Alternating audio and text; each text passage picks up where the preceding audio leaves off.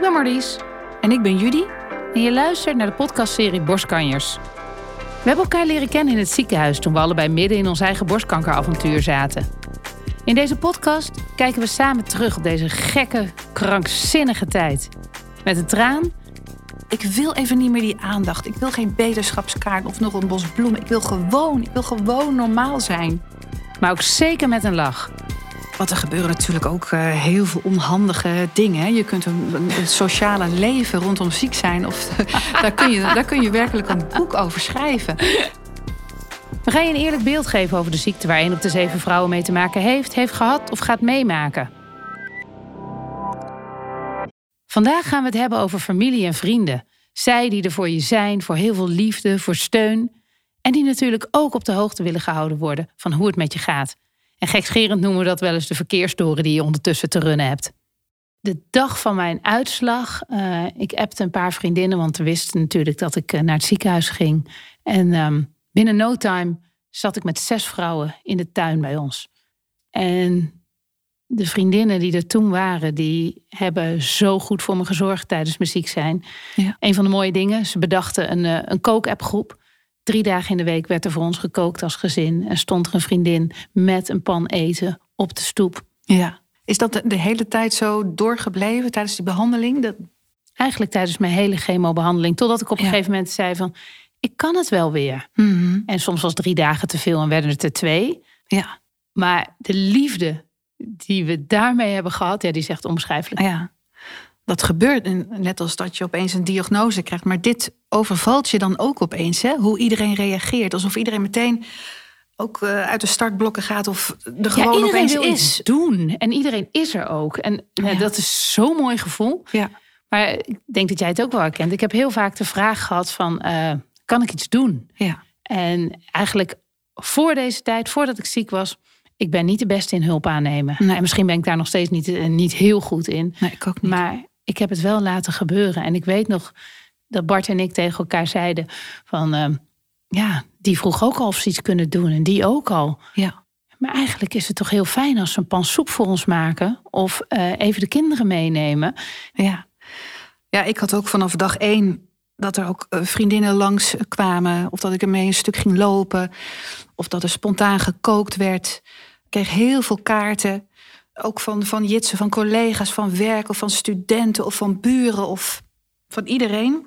En bijvoorbeeld eh Jitse, mijn man, die gaf toen de tijd eh, les op een HBO. En opeens stonden er een paar studenten op de stoep die belden aan. En die hadden dan zo'n doos vol met van die eh, pakken soep, Unox pakken soep.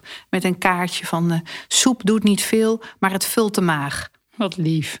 En bloemen die kwamen. En op een gegeven moment dan ebt dat wel een beetje weg. Maar de support die je de hele tijd krijgt, dat, dat blijft. Vooral tijdens die behandeling van die chemo. Steeds tussendoor een appje. Kom op en je kan het. En sommigen wisten ook precies op welke dagen ik dan chemo moest krijgen. Of bloemen die je dan weer kreeg als er weer een kuur eh, voorbij was. Overal kaarten. Ja, Maar die bloemen bijvoorbeeld, die gooide ik op een gegeven moment ook weg. En de kaartjes heb ik ook niet bewaard. Heb ik nadien ook allemaal weggedaan. Omdat je toch zo in, die, in de aandacht staat. Op Ja, dat is wennen, kwam- Ja. ja. dat was wennen. Op een gegeven moment vond ik, dacht ik, ik wil even niet meer die aandacht. Ik wil geen beterschapskaart of nog een bos bloemen. Ik wil gewoon, ik wil gewoon normaal zijn. ik wilde vroeger bloemist worden. En ik heb nog nooit zoveel bloemen gehad ja. als in de eerste weken van mijn chemo. Ja. Zo lief, van klanten uit allerlei hoeken, vrienden, kwamen prachtige bloemen. En toen vond ik het nog heel gaaf. Ja. Maar op een gegeven moment bleven ze komen. En toen merkte ik hoe, ja, hoe verdrietig het ook is. Van shit, dan is het wel echt heel erg Ja. met me gesteld als dit allemaal blijft komen. Ja. Ik heb ze niet weggegooid, maar ik heb ze wel weggegeven. Ja. Op een gegeven moment was ik door mijn fase heen, ehm, maar kon ik er gewoon even niet meer van genieten. Nee. Maar het doet me nu ook wel beseffen, denk, iedereen is zo zoekende van Mhm. hoe kan ik ze helpen? Ja. En de een doet dat handiger dan de ander. Ja. Ik weet niet hoe het voor jou is, maar de vraag dat mensen. Ik, eigenlijk liep ik bijna elke ochtend naar het schoolplein. En er staan heel veel lieve mensen. Maar niet voor iedereen is het even makkelijk om mij dan op te zoeken. Nee. Sommigen ontwijken me zelfs. En dat is ook oké, maar ik voel het wel. Ja. Maar ook de vraag: hoe is het met je? En het is eigenlijk zo'n logische vraag die je in het dagelijks leven misschien wel twintig keer op een dag aan iemand stelt. Ja. Maar aan een ziek persoon is het eigenlijk gewoon een rotvraag. Ja. Ik wou zeggen een K-vraag. Ja, eh, want ja, in het moment was het vaak best wel goed. Maar wat moet ik zeggen? Ja. En helemaal als iemand het zegt met van die droepie-ogen. Eigenlijk, en dat is voor mij echt wel iets wat ik geleerd heb. Er is een verschil tussen medelijden Ja, en ja. medeleven. Je hoeft echt niet met me mee te lijden. Sterker nog, als je met hele zielige ogen mij aankijkt van... oh, gaat het wel? Ja. Potverdikkie, dan krijg ik eigenlijk jouw zwaarte er ook nog bij. Ja. En medeleven eh, is anders. Medeleven is, eh, goh, heb je zin in een wandelingetje? Ik heb twee vriendinnen die gewoon standaard twee keer in de week in hun agenda hadden staan met Marlies wandelen. Ja. En dan wilden zij het vaak allemaal vragen aan mij hoe het ging. Maar ik vond het veel lekkerder om even te horen hoe, ja, waar zij met werk mee bezig waren. Want dat was ook een soort connectie met de wereld die er ook nog is. Ja. En, maar medeleven gaat ook over oprechte interesse tonen. Joh, hoe kom je je dag door? Uh, Ja. Kan ik iets voor je doen? Uh, maar ook bijvoorbeeld uh, tips geven van wat goed is qua behandeling. Of mensen die me dan hielpen om in het ziekenhuis wegwijzer te worden. En natuurlijk kan iedereen op basis van zijn eigen achtergrond anderen op een andere manier helpen. Ja. Um, maar mijn grootste ontdekking is hulp is niet groot. Nee. Het grootste is eigenlijk door het heel klein te houden. Door die pansoep, Ja. uh, door die wandeling te maken, door er gewoon simpel te zijn. En als ik dan bijvoorbeeld kijk, mijn vader, ja, die kwam vaak gewoon even het gras maaien. Of die kwam uh, een stoepje leggen. Ja. En dan was hij er gewoon. En dan hadden we het er eigenlijk helemaal niet om. Nee. Maar dat was uh, helemaal niet over. Maar dat was eigenlijk gewoon heel fijn, want Ja. dan was hij er. Ja, klopt. Dat herken ik wel. Eigenlijk hoef, wil je ook niet de vraag van... als ik ergens mee kan helpen, laat je het dan weten. Of laat maar weten als ik je Mm. ergens mee kan helpen. Maar eigenlijk dat, hadden we dan ook een verre buur... die dan opeens gewoon een appje stuurde... over een uur kom ik een pan soep brengen. Dan gewoon ja. aanbelden, pan soep... nog wat zelfgebakken brownies erbij... en tot ziens. Ook niet blijven hangen of zo. Perfect Ja. is dat. Ja, het heeft, het heeft wel een aantal vriendschappen... echt wel dieper en sterker gemaakt... En ik weet ook bijvoorbeeld een eh, vriend van Jitsen, die woonde dan wat verder weg, maar die kwam veel vaker langs. Gewoon even na het werk, s'avonds. Nam die een zak friet mee voor de kinderen, of lekker ijsjes of iets. En wat jij net ook vertelde, van gewoon even kletsen over andere dingen. Maar dat gaf ook al zoveel steun, dat je precies dat woord meeleven, dat je er net wat extra bent, gewoon er zijn. En dat geeft, dat geeft zoveel kracht om dat hele proces eh, door te gaan. Ja. Want wat er tegelijkertijd met mijzelf gebeurde. Ik, ik ging eh, niet veel meer naar verjaardagen of feestjes. Of ik zei van nou, ik kom toch niet. En dat is dan ook echt allemaal oké. hè? Iedereen begrijpt dat natuurlijk, want je hebt andere dingen aan je hoofd. En ik kon dat zelf ook alleen maar loslaten. En ik weet dat ik toen de tijd, toen ik chemo kreeg, ook naar een haptonoom ging. En zij zei toen ook van eh, iets voor iemand over hebben. Zegt dat Mm. je gaat eerst voor jezelf zorgen en heb je dan iets over, dan kan je iets aan die ander geven. Maar ze zei: jij, jij hebt nu niks over. Dus jij moet echt eerst alleen maar aan jezelf denken of voor jezelf zorgen. En hoe is dat bij jou met vriendschappen? Want je zei, sommige vriendschappen zijn beter geworden. Dat herken ik ook. Ik heb zelfs ook nieuwe vriendschappen. Mensen die ik eigenlijk nog heel weinig of amper kende. Maar op een hele verrassende, fijne manier in mijn leven kwamen. Ja. Tijd maakten, met de hond wandelden. Met de mooiste gesprekken. En dat waren voor mij de momenten dat ik me eigenlijk helemaal niet ziek voelde. En dat ik dacht, wauw, we zijn elkaar nu aan het ontdekken in deze tijd. Wat, wat belooft dat voor hierna? Ja. Maar ook vriendschappen waarmee het moeilijker is. Ja, dat had ik ook wel. Want eh, zij hadden opeens een vriendin die heel erg ziek was. En sommigen vonden dat best wel lastig ook. Van hoe reageer ik dan? Hoe vaak kom ik langs? Wat moet ik doen?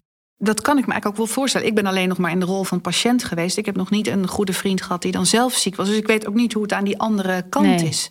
Maar het is echt wel een beetje gewoon eh, zoeken. En eh, wat zou nou, jij dan... Ik denk nu wel, als, als er iemand in mijn omgeving ziek wordt, ehm, dat ik nu wel anders ga doen. Mhm, wat zou jij dan doen? Of wat? Ja, het kleine van eh, eten brengen, Ja. eh, dat, dat dat enorm helpt.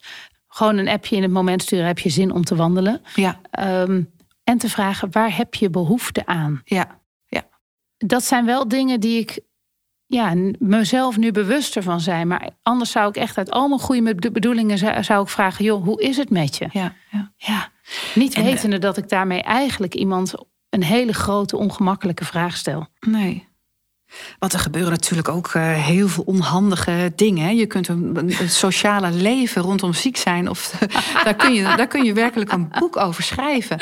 Dat ik dan gewoon een keer van een vriendin een tijdschrift kreeg. Gewoon van, hey, of iets erbij, leuk. Dan sla je dat open en dan staat er vier uh, spreads uh, artikel over kanker of iets wat ik toen Gadverdamme, oh, Oké, in de prullenbak. Dat, ze, ja, dat heeft ze ook niet doorgebladerd. En um, van, van, de, van die onhandige dingen. Of het heel zwaar maken. Nou, dat, medelijden. Nee, dat, dat wil je gewoon niet. Ja, maar ook, ik, ik, stond een keer op, op de sportclub. En dat iemand zei: Joh, uh, wat, ja, wat vervelend. En hoe is het bij jou? Want een vriend van mij had een prognose van 34 procent. Ja. Ja, wat wil je nou dat ik daarop antwoord? Ten eerste wil ik het eigenlijk daar niet over hebben. En ten tweede, ik hoop ook meer dat er meer hoop is dan dat. Ja. En ik, reed, ik fietste een keer over een rotonde. En um, toen werd ik bijna van mijn sokken gereden. En toen maakte ik zo'n gebaar van... jee, let eens op. Waardoor die vrouw de raam opendraait en die schreeuwt... Hé, hey, kankerwijf! nou, ik dacht... Ik schoot echt in de lach. Ik dacht, je moest eens weten. ik doe je mijn best dat mijn, mijn haarstuk goed op blijft zitten. En jij scheldt me uit voor kankerwijf. Nou, maar, ook een opmerking van... Uh, nou, ik hoor in het hospice ook hele goede verhalen. Ik denk, serieus? Ja, ik hoop dat ik je verkeerd versta, maar dit... Ja. Nee, dit wil ik eigenlijk echt helemaal niet horen. Ja. ja, zo hoorde ik laatst ook nog van echt iemand die ik vaag, vaag ken. Die zag mij, hoe gaat het nu met je, nu alles voorbij is? En meteen daarna, ben je niet bang dat het weer terugkomt? Oh. Dacht ik, oh, dat is echt een brutale vraag. Die, die, die inner circle die ik had tijdens de behandeling, mag dat echt nu aan mij vragen, want dat zit ook in mijn hoofd. Maar als je iemand vaag kent, dan zijn dat hele brutale, onbeleefde vragen. Maar zo zie je, iedereen heeft een eigen beeld en filmpje in zijn hoofd bij het beleven van een bepaalde ziekte. Omdat je misschien al uh, een familielid of een oud collega. Of, ja, je projecteert die ervaring. En dat is vaak onbedoeld, maar kan wel echt heel onhandig zijn. Ja. En het is, het is natuurlijk heel kwetsbaar. En iedereen is ook mm. bang om het ook zelf te krijgen. Misschien, of iedereen. Misschien zit daar ook angst of onwetendheid. En hoe is nu tijdens het ziek zijn? Dan word je op een gegeven moment die vraag, wat je zei, de eeuwige vraag: hoe gaat het met je? Die ben je dan helemaal beu. En nu, zoveel jaar na behandeling, mis je dan soms die vraag niet? Nee, ik mis dat nu niet, dat ze het niet aan me vragen. Ehm, en sommigen vragen het wel. En dan vind ik het heel fijn, want dan weet ik dat er ook echt oprechte interesse is. Ja. En dan kan ik zeggen van, joh, er zijn nog steeds bijvoorbeeld uh, als het nu, uh, als het herfstig is of heel erg regent, zetten mijn klieren sneller op. Dan voel ik door de klieren die in mijn oksels zijn weggehaald, voel ik pijn. En dat is eigenlijk altijd bij vochtig weer. Ja, ja dat lees ik niet op internet. Nee, nee. Maar dit brengt me wel, we hebben het nu over vrienden en familie. Maar aan wie ik minstens zoveel heb gehad, zijn mijn lotgenoten. Want als er dan uh, vrienden waren die bijvoorbeeld al iemand kenden, die gewoon heel lief op het schoolplein, dat iemand zei: joh, uh, een vriendin van ons heeft het ook meegemaakt. Zou je het fijn vinden om daarmee te spreken? Ja. Nou, als die persoon dat wil, echt heel graag. En daar zijn mooie contacten uit ontstaan ja. van vrouwen die mij voor zijn gegaan. Ja. En die me echt geholpen hebben op de momenten van... wat moet ik met mijn haar doen? Hoe werkt dat? Uh, chemo, uh, hebben, ja. en dan, een stuk of vijf had ik er. En ik ben ik echt heel dankbaar voor. Ja, en zo wil ik er nu voor anderen zijn. Ja. Ja, dat heb ik ook. Toen de diagnose kwam, toen ik, ik, ik kende al twee uh, vrouwen jonger dan ik die het tien jaar geleden had gehad. Dus die heb ik toen ook meteen gebeld. Ja. Die waren er ook, ook meteen voor me. Ja. Uh, Jitse, mijn vriend, die uh, hoorde meteen dat een collega. Want opeens ploppen er ook allerlei vrouwen op. Hè, dat, dat je helemaal niet wist dat zij het ook hebben gehad. En uh, hij heeft haar toen uh, gesproken, ik niet, maar hij wel. En hij kreeg dan bijvoorbeeld ook een hele praktische advies van... Uh, ga ook ergens een second opinion vragen in een ander ziekenhuis. Ja. En dat hebben we toen ook uh, gedaan. Ja. En of doe dit of dat. Nou, dus dat was, weet je wat dus, ik ook wel mooi vond? Want um, dan sprak ik die vrouwen die het hebben gehad. En dan zei ik van, goh, mag Bart misschien ook een keer met jullie partner bellen? Oh, Want het is ook wel fijn als man om ook lotgenoten te spreken. Ja. Van hoe is het voor jou geweest om naast een zieke vrouw te staan? Ja. En daar heeft Bart ook heel veel aan gehad. Ja. Een andere cirkel waar ik echt heel veel aan heb gehad, zijn de, de, is de sportclub. In ons geval de hockeyclub. Wat ik zelf in de hele periode tijdens mijn chemo's heb gedaan. Ik, ik had uh, natuurlijk mijn haar niet meer. Ik had wel een haarstukje en daar altijd een muts of een hoedje overheen. En toen ik de diagnose kreeg, was ik coach van het hockeyteam van mijn zoontje. Samen met een andere man. En eigenlijk het eerste wat ik dacht, ik dacht van nou, misschien moet ik dit wel opzeggen, want dit kan niet meer. Ja. Dus ik had met hem afgesproken, ja, als ik diep van binnen kijk, eigenlijk zou ik het heel graag willen blijven doen. Ik, ik ben super dankbaar voor. eh, We Echt, een serie v- buren, vrienden, familie. Dat iedereen er gewoon was en, en, en, meeleefde. En eh, dat een, echt een hele lange periode lang. Echt hè? Dat is, het is echt fantastisch. Dat, Het ja, zou er eigenlijk altijd mogen zijn dat we zo als mensen zo fijn met elkaar omgaan.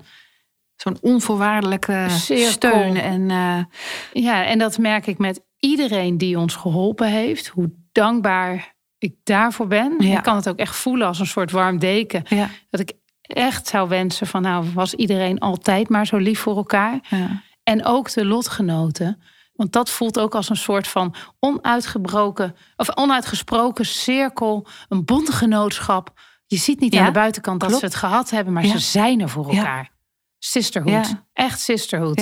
Ik sprak laatst een lotgenoot die er nu mee te maken heeft. En die zei, jeetje, het lijkt wel alsof er een soort geheim genootschap bestaat. Ja. Van lotgenoten. Ik hoor nu uit van verschillende kanten.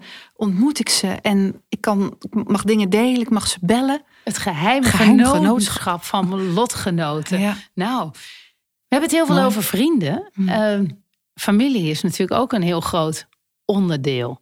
Daar staat ook de wereld voor op, voor op zijn kop. Ja. Je eigen kind of je eigen zus.